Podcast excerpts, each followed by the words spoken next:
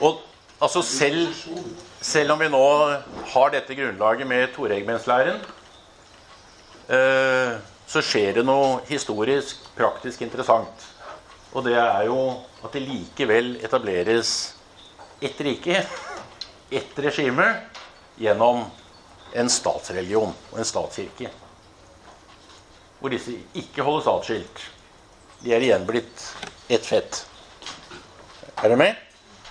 Og det er historisk eh, veldig interessant. Og det er, det er jo først nå, opp i, i, slutten av forrige århundre, at de igjen eh, drives fra hverandre, for å si det sånn. Men det, det, er historisk ganske interessant, for de har jo veldig nær knyttet til det som har blitt kalt for statspietismen.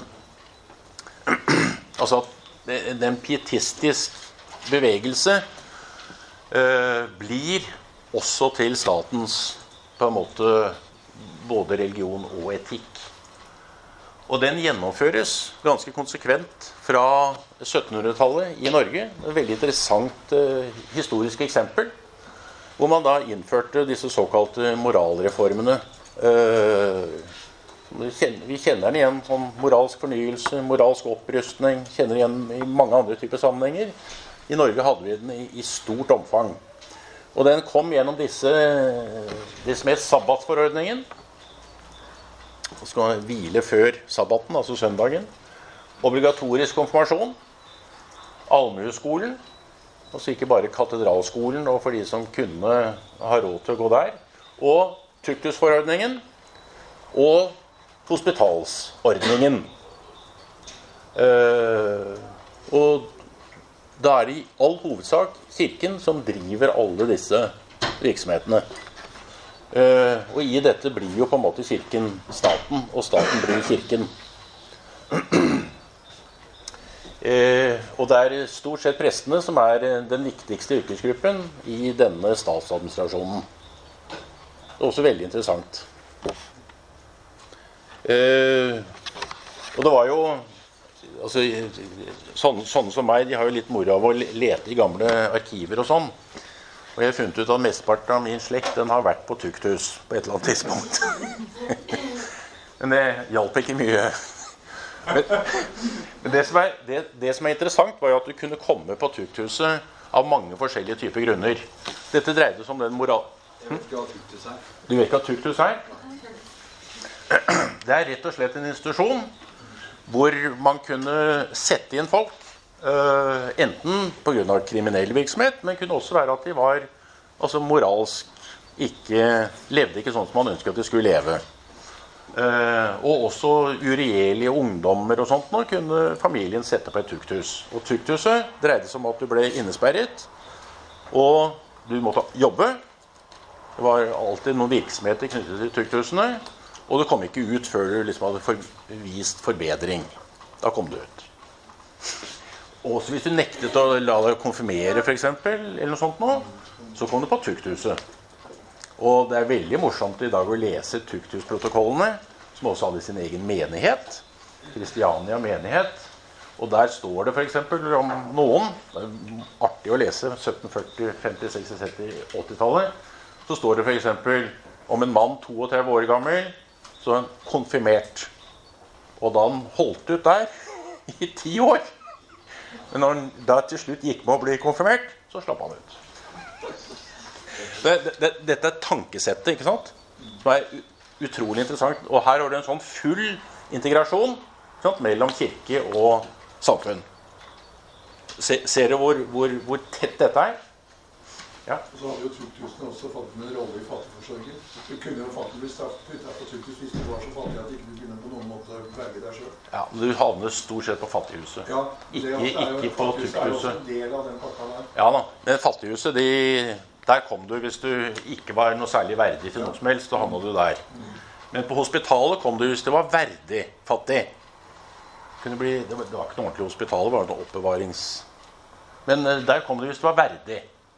Men når du leser Fundasen og Oslo Hospitalshistorien, så er det utrolig interessant. Fordi skulle du være pasient der Eller het Hva het de for noe? De het eh, hospitalslemmer. het De De var lemmer på hospitalet. Og grunnen til at jeg vet dette, er at en av mine slektninger var, var lem der i 17 år.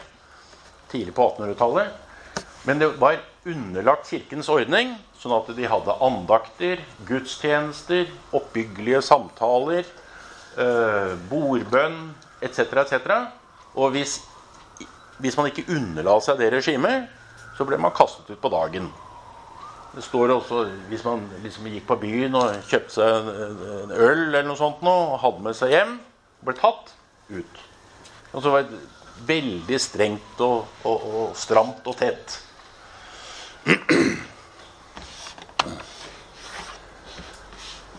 Så det, dette, det dreier seg om altså en veldig tett integrasjon. Dette er i det samme rommet. Grunnen til at jeg bruker dette som eksempel, er jo nettopp for å vise uh, at dette ikke var sånn som Taylor snakker om. Ikke og ikke egentlig toregimentsleiren, men her har vi fått en, den helt tette integrasjonen i én og det samme rommet.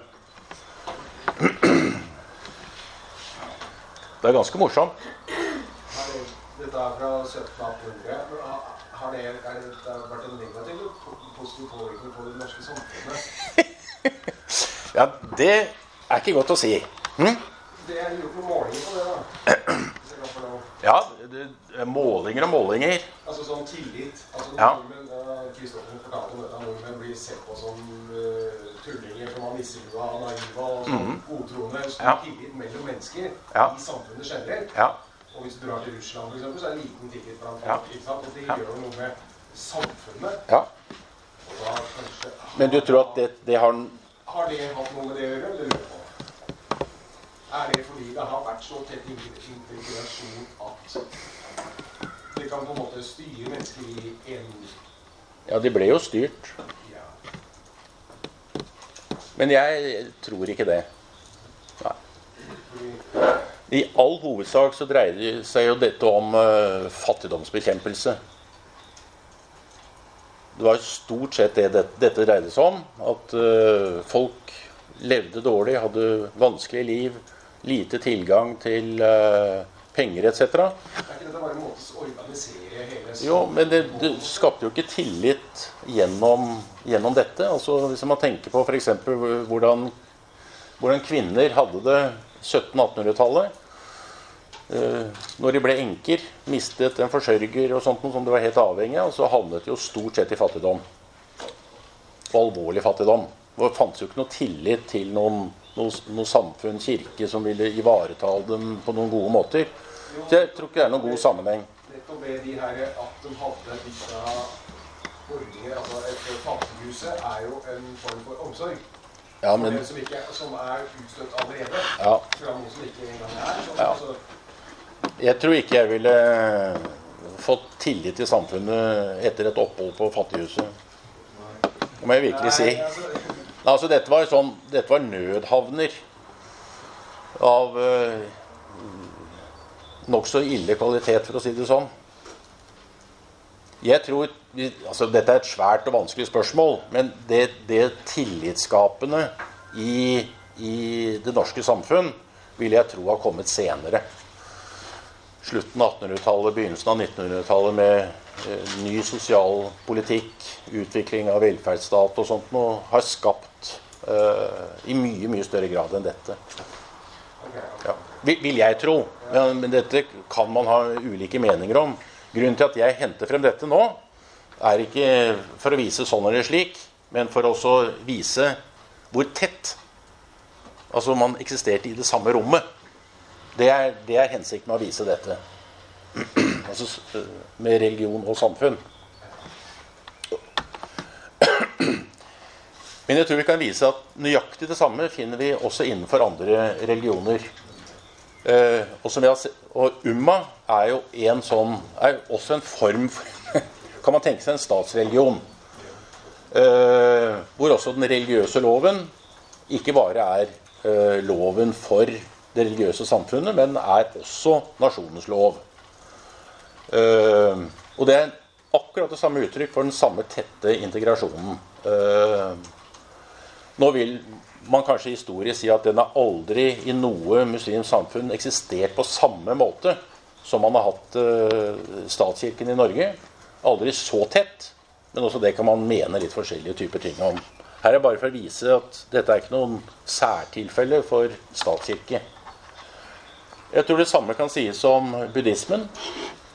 Eh, I form av forståelsen av at et samfunn, altså en nasjon, er en hellig eh, øy, Damadvipa, eh, og hvor viktig det er å beskytte eh, nasjonen, landet og religionen. Eh, som da også blir en enhet.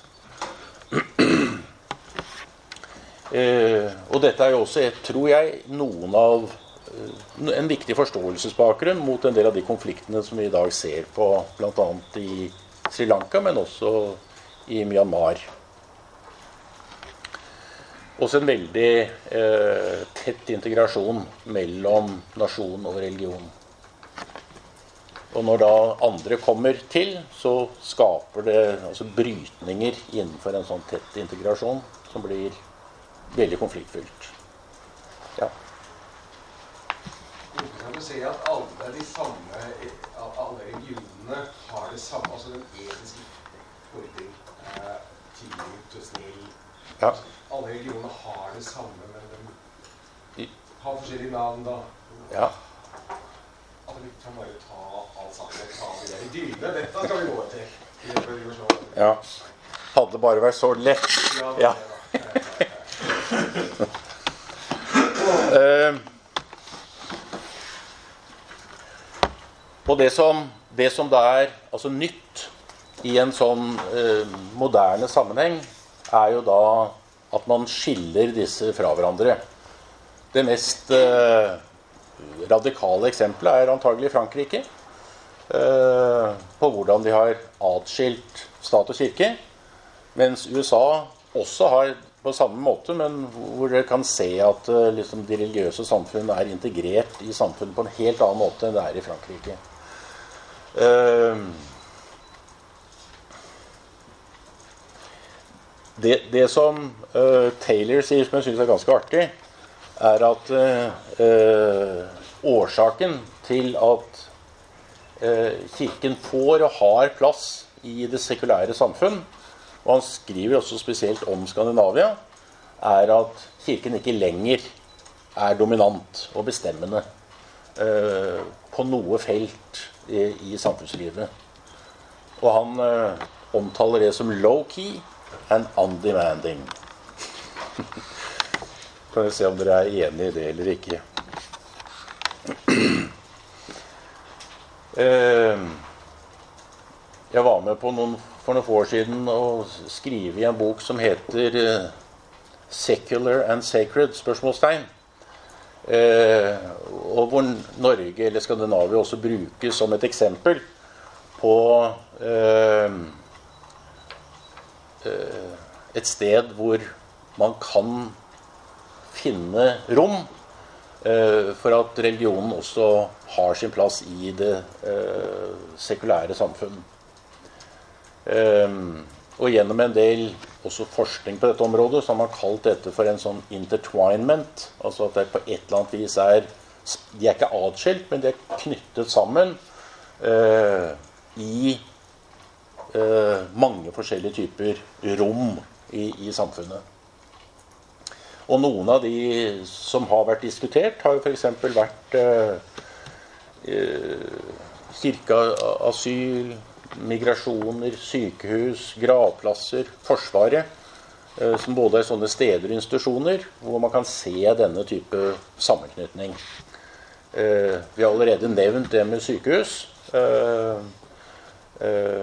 Og livsbetjening og sånne type ting. Men det er også veldig interessant i forhold til, til både mat og hijab.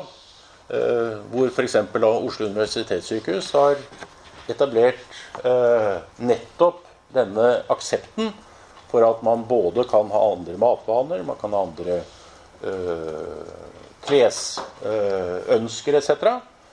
Eh, og det er det gjort tilpasninger for.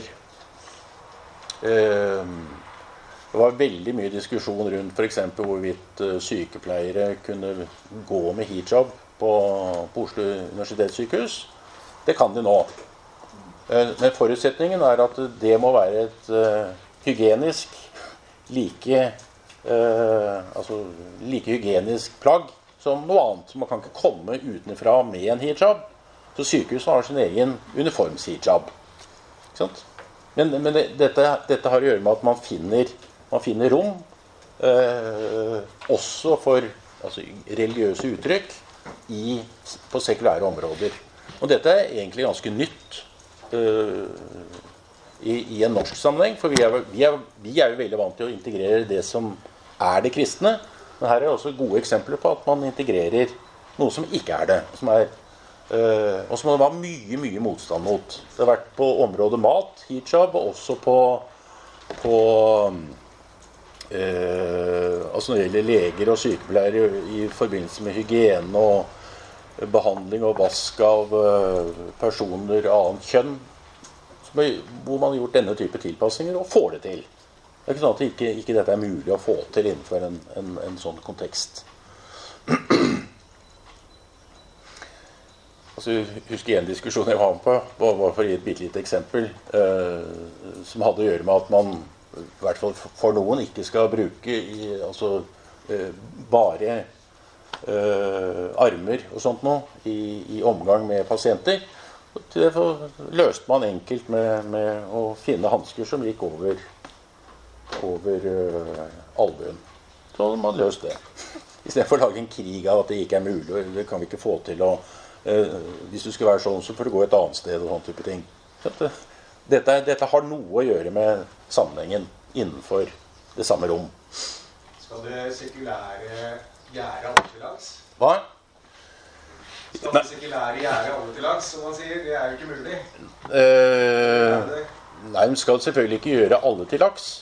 Men hvis det dreier seg om muligheter til å gjøre en tilpasning som ikke har alvorlige betydninger for det man ellers holder på med, hvorfor ikke? Det, skal, det skaper jo ikke noe, ikke noe problem. Uh, for det, det, er jo også en respekt for uh, andres overbevisninger og synspunkter. Som ikke går utover verken behandling, pleie eller noe annet. Det er ikke enig. Nei, du, du, kan godt være uenig i det. For jeg, jeg, tror at det er riktig at de ikke gjør det. Jeg hørte på radioen P2 en dame som Kan jeg få lov? Ja, kort. Eh, hun vil anmelde noen som hadde tråkka kommer politibetjenten og har på seg et religiøst plagg. Og da blir det et problem for den som skal anmelde. Du stoler ikke på den politibetjenten som valgte det religiøse plagget. Ja. Fordi ja, Poenget er jo at hun mente at det offentlige ikke burde ha ja. tillatt at det skulle være et religiøst plagg ja. som representerer det offentlige. Mm. Det var et problem. Ja. Det, så, sånne type ting kan man selvfølgelig støte på. Men, det, men, men vi, dette er noe vi kan være enige eller uenige om. Det er alltid litt i å ta når det er spørsmål om felles rom. Ellers så må vi tilbake til Casanova. Skille de helt fra hverandre. Som noen da mener, ikke sant? Ja. Jeg er nødt til å skille på offentlige rom, da. Altså, ja. det, er, det er jo noe helt annet om en politimann eller en politikvinne bærer et, eh, et religiøst symbol eller har hankam eller sånne ting, ja. enn en om en sykepleier ja. har, en, har en hijab. Ja. Det er, det er to forskjellige ting. Ja, og, og det har du selvfølgelig helt rett i, at ingen av disse rommene er like. Og man må kunne differensiere mellom dem. Men vi har jo sett i Forsvaret nå, f.eks., så kan jo sikker benytte turban. Så kan man diskutere er det greit eller ikke greit. Er det annerledes enn om du er politi? Men, det er dette dette dreier seg om. Skal man representere det offentlige, skal man i det hele tatt ha en eller annen type religiøs, synlig Ja. Men det er derfor denne diskusjonen er veldig viktig å, forstå, og hva den da dreier seg om. Eh, men det, det, som da Norge og sånne gåsøyne er et eksempel på, er at det i hvert fall gjøres forsøk på eh, å finne plass i ulike rom, også for jeg nær sagt religiøs tilstedeværelse. Eh, også gjennom offentlige stillinger etc. etc. Ja. Det du, eksempelet du nevner, det er interessant. En av grunnene til at dette har latt seg gjennomføre såpass greit som det er gjort i Forsvaret, Ja. det er at Forsvaret tradisjonelt sett har helt andre identifiseringsnormer. Ja. Jeg skal gi et, jeg lov til å gi et veldig greit eksempel på det. For Da jeg selv tjenestegjorde i Libanon i 78, Ja. så var det jo helt klart at vi som nordmenn hadde lettere for å kunne identifisere oss med jødene, Mm. og for den saks skyld eh, noen av partene, ut ifra religiøse tradisjoner og sånne ting. Ja. Men derimot, dem vi skulle ha vanskelig for å identifisere oss, var jo f.eks. folk fra Nepal eller fra deler av Afrika. Men den blå verden, Ja. det ble det eneste sikre symbolet vi hadde på at vi stolte på hverandre. Ja. Og det er litt fascinerende hvordan du mentalt endret deg. ja. ja det, det hadde ikke jeg tenkt på. Mm. Ja, man det Ja, altså, det var det som var det grønne til og det grønne den- Eller det røde- det blå, mener jeg.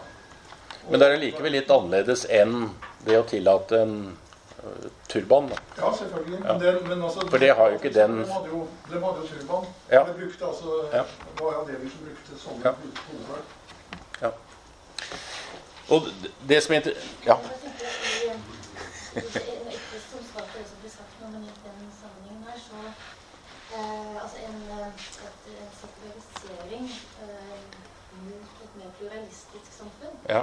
eh, hvor man da ikke sant, eh, eh, Man er ikke nødvendigvis et religiøst samfunn, men et tolerant samfunn. Og Mm. til og med jeg kan tenke meg at Human-Etisk Forbund også står der ved siden av de andre livssynene og på en måte syns at det er mer tålelig kanskje enn At det er mer Nei, at liksom at Human-Etisk Forbund Ja. står uh, i det i den uh, i det kollisjonen, da, ikke sant? Uh, Ja. I det mangesidige, og syns at det er, selv om det blir et mer religiøst samfunn, Ja. altså at det synes mer, så er det ikke nødvendigvis eh, et mindre eh, et, eh, mindre tålelig. Ikke sant? Altså at religionene blir mer tålelige Ja. fordi at de er likeverdige. Ja. ja. Ja, og det tror jeg du har helt rett i. Altså, også Human-Etisk Forbund har jo gått fra den Casanova-modellen sant? til at de nå f.eks. deltar veldig aktivt i denne livssynsbetjeningsgreia som én av mange.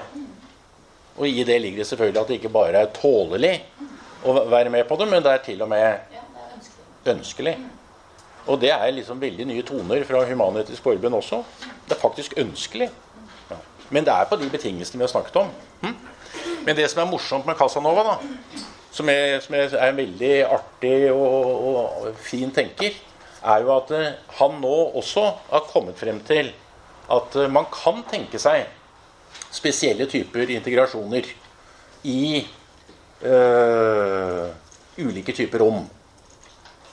Og dette går under dette faguttrykket 'shared space'. altså man deler på rommet, for å si det på godt norsk.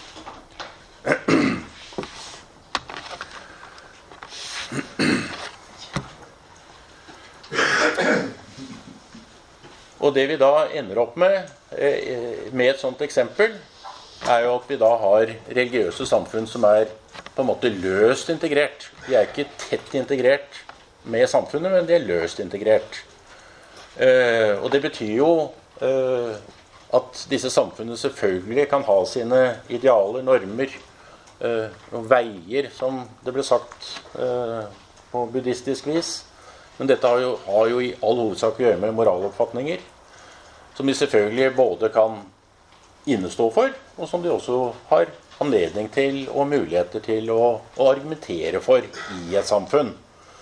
Eh, men det vil jo også være veldig ofte slik at også innenfor disse religiøse samfunnene som er løst integrert, så må det kunne finnes rom for dissenser. Eh, at det finnes det man sånn i moraltradisjoner kaller for ulike anerkjente meninger. Og det er jo ofte, eller kan være, eh, relativt store eh, utfordringer innenfor noen religiøse samfunn å akseptere at den type dissens eh, kan være akseptabelt. Ja. Og så syns jeg at hvis jeg også skal fremheve et, et, en av det dere har i pensum, Leirviks artikkel, som er ganske morsom på den måten at eh, han, han, sier noe om samvittigheten som eh, vi ikke så ofte tenker på. Vi tenker på samvittigheten som et eller annet sånn personlig som vi har inni oss, og som vi prøver å leve etter. Den samvittigheten sier, eller noe sånt noe. Jeg vet ikke hvor den sitter hen. Det er sånn vi snakker om den. Men det han sier, er at uh, samvittigheten da som moralsk veileder ikke bare har forrang fremfor alt mulig annet, men det er også noe og en måte å vite noe sammen på. Så rett og slett fra uh, sammenhengen mellom sam og hvit. Altså man kan aldri lære dette egentlig alene. En samvittighet utvikler seg bare sammen med andre. Det er måten som også moralen utvikler seg på. Jeg syns det er en veldig fin måte å, å både forklare eh, samvittighetens grunnlag, men også hvordan den kan utvikle seg til om hvordan man kan også finne ut av hvordan man kan leve sammen på best mulig måte. Eh, og det krever jo da både samtale og dialog og alt mulig annet mellom folk av ulike typer synspunkter. Og vil man ikke ha den dialogen, så er det klart man ikke Man utvikler heller ikke noen uh, samvittighet sammen med andre. Jeg, jeg syns det er en veldig innsiktsfull og bra artikkel som, som Leirvik har skrevet. Vil du si at uh, Robinson Cruise hadde mista sin moralske hvis han hadde vært på øya alene? Uh, han, han fredag? han hadde jo gjort det.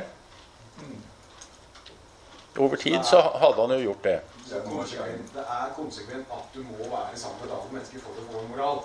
Ja, altså du, du, hvis du er helt alene på en øde øy i 50 år, så hva, hva skal du med en moral? Du trenger jo ikke noe moral. Altså, Kanskje overfor dyr eller planter eller et eller annet sånt noe. Men eh, i et samfunn så trenger du det jo ikke. hvis ingen, da kan jeg, da, Det du sier nå, er implisitt at uh, jeg kan stjele sykkelen så lenge ingen ser meg. Altså, Hvem er det du stjeler fra der, da? Hvis du er alene på veien. Ja, Hvem er det du stjeler noe fra? ja, er det stjeling. Nei. Men altså, dette må vi ha et eget seminar om. Hæ? Øyas etikk kaller vi det neste gang. det, er, Ja. det er det sentrale som du beskriver om jeg og du. Ja. Ja. Det er det. Ja, og så andre. Ja. Men også eh, Robin så hadde jo, hadde jo en moral med seg. Som var utviklet. Og den er veldig vanskelig å avlære. ja, hvis du går alene, så blir det kanskje Du, du avlærer den sikkert over 50 år. Du gjør det sikkert det. Skal vi ta denne her til slutt? Det er, det er noen flere lysbilder her, men det kan dere titte på uh, etterpå. Men dette er et, synes jeg, et veldig interessant og fint eksempel på noe av akkurat det samme. Nå vet dere at han har fått mye kjeft hvis dere har lest anmeldelsene. Men jeg syns det egentlig er ganske ufortjent. Sett inn i denne konteksten som vi snakker om i dette kurset. Eh, For den er et eksempel på nettopp dette med shared space. Boka heter 'Norsk islam'. Eh, og i den så er det en, er det en eh, interessant forskjell til ramadan. Og det er at eh, her er reformen, hvis vi skal bruke det ordet, nettopp akseptet for en liberal og sekulær stat. Som ikke nødvendigvis ramadan har gitt. Men det gjør øh, Rana uten egentlig å si det selv. Han sier ikke det. Men det er virkelig den store reformen i det arbeidet som, øh, som er gjort her.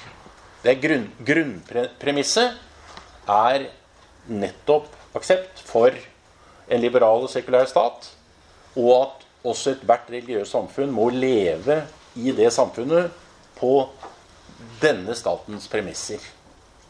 Og det er, eh, det er et radikalt eh, standpunkt, eh, skrevet av en norsk muslim med stor inspirasjon, vil jeg si, fra USA. Det tror jeg må være riktig å si. Eh, og, og der skal det selvfølgelig være eh, rom for eh, islams tro, for overbevisning og også praksis, som kan være synlig. Eh, og som kan være av ulik art. Altså, jeg bare satt i gåseøyne. Og han selv står jo for en vil jeg si, en relativt konservativ eh, oppfatning. Kaller jo selv for mainstream. Eh, og det, jeg skal ikke si noe om de klassifiseringene. Men når det gjelder eh, moralspørsmål, så er, eh, fremstår synspunktene også for meg som, som konservative. Eh, eh, men poenget her er at eh, også et sekulært samfunn kan romme den type oppfatninger uten at det går på tvers av uh, å leve i en sekulær stat. Uh, og som dere kjenner til, så har den vært veldig tydelig på, og jeg tror også han har eh, rett i det, at hvis ikke et, en sekulær stat tillater dette rommet for religiøse samfunn, altså nær sagt på godt og vondt, så er, står jo også denne type samfunn i fare for å bli illiberale. Altså De tåler bare noen typer uttrykksformer for måter å leve sammen på, og da særlig ikke religion. eh, og så kan man jo stille spørsmålet, som Rana heller ikke er så veldig tydelig på, er jo om ikke det standpunktet også vil måtte innebære en reform av det som man ikke vil reformere, tradisjonell islam. Det får vi la stå åpent som spørsmål. Jeg tror at det vil medføre det også, men det sier han ikke. Så han vil holde begge mulighetene, altså begge mulighetene til stede. Og innenfor den space, eller romtankegangen vi har hatt her, så øh, har vi jo sett at noen av de modellene som jeg snakket om, gir rom for akkurat denne måten å lese øh, den tilstedeværelsen på. Eh, og hvis du ser de tre kulepunktene her, så dreier jo de seg om akkurat de konsekvensene av det samme. At samfunnet da må gi rommet. Altså gi folk eh, verdighet til å beholde sin religiøse identitet. Også i det samfunnet som de da inngår i, på de premissene. Eh, men det innebærer også, som jo Rana også er veldig tydelig på, at det religiøse samfunnet må tåle Og så kan man spørre om man skal mene at det er mer enn å tåle. Akseptere eh, at andre tror og lever annerledes. Det er et helt nødvendig premiss, og det fremkommer tydelig, mener jeg, i, i, også i denne boken, at du kan ikke ha det ene og ikke det andre. Det som han ikke snakker så mye om, er det siste. Og det er jo om de religiøse samfunnene også må tolerere dissens og avvik internt i sitt eget samfunn. Altså at eh, noen vil mene at hijab er ja, altså nødvendig eller øh, plikt. Men man må også tåle at det er noen som ikke benytter det. Uh, noen vil mene at ekteskap er den eneste måten å leve sammen på. Uh, uh, mens homofili og andre typer samlingsformer er synd. Men hva, hva, det innebærer, skriver heller ikke Rana noe om. Har, kan de også ha en plass innenfor disse samfunnene? Uh, jeg, jeg, tror at alle de tre punktene er nødvendige for, for, at dette rommet skal kunne eksistere på denne måten. Og det er tross alt første gang som jeg har sett på norsk grunn at en har skrevet en bok nettopp om det av en, av en muslim født og oppvokst i Norge. Jeg runder av der, jeg. Jeg sier ikke at, jeg, at dere må liksom akseptere Rana, men i denne konteksten her så er det, synes jeg, et veldig interessant og viktig bidrag. Nettopp for oss å komme i, i, inn med om det finnes en plass, og hvilken utvikling skal være en plass for religiøse samfunn. Mm. Yes. En, en ting som jeg syns også er litt interessant med akkurat den settingen der, det er jo det at i sannhet så er det jo egentlig skrevet fra, fra protestantisk side heller. Nei. Så egentlig så gjør jo han, han om ikke annet så setter han i gang en veldig viktig debatt. Ja. Altså vi, altså Fra protestantisk sammenheng så har vi tatt for gitt Ja, ikke sant? og Derfor har man ikke hatt noe behov for å reflektere så veldig mye over det. Nei. Og utfordringen har egentlig vært motsatt. Det har vært å, slippe taket i, i den makten man har hatt i, i, i eh, samfunnet. Ja. Men i dag så er jo det veldig likt. Men no, noen av de veldig samme synspunktene og utfordringene, også for Den norske kirke, Det er veldig likt. Hvis man ser på de tre nederste punktene der.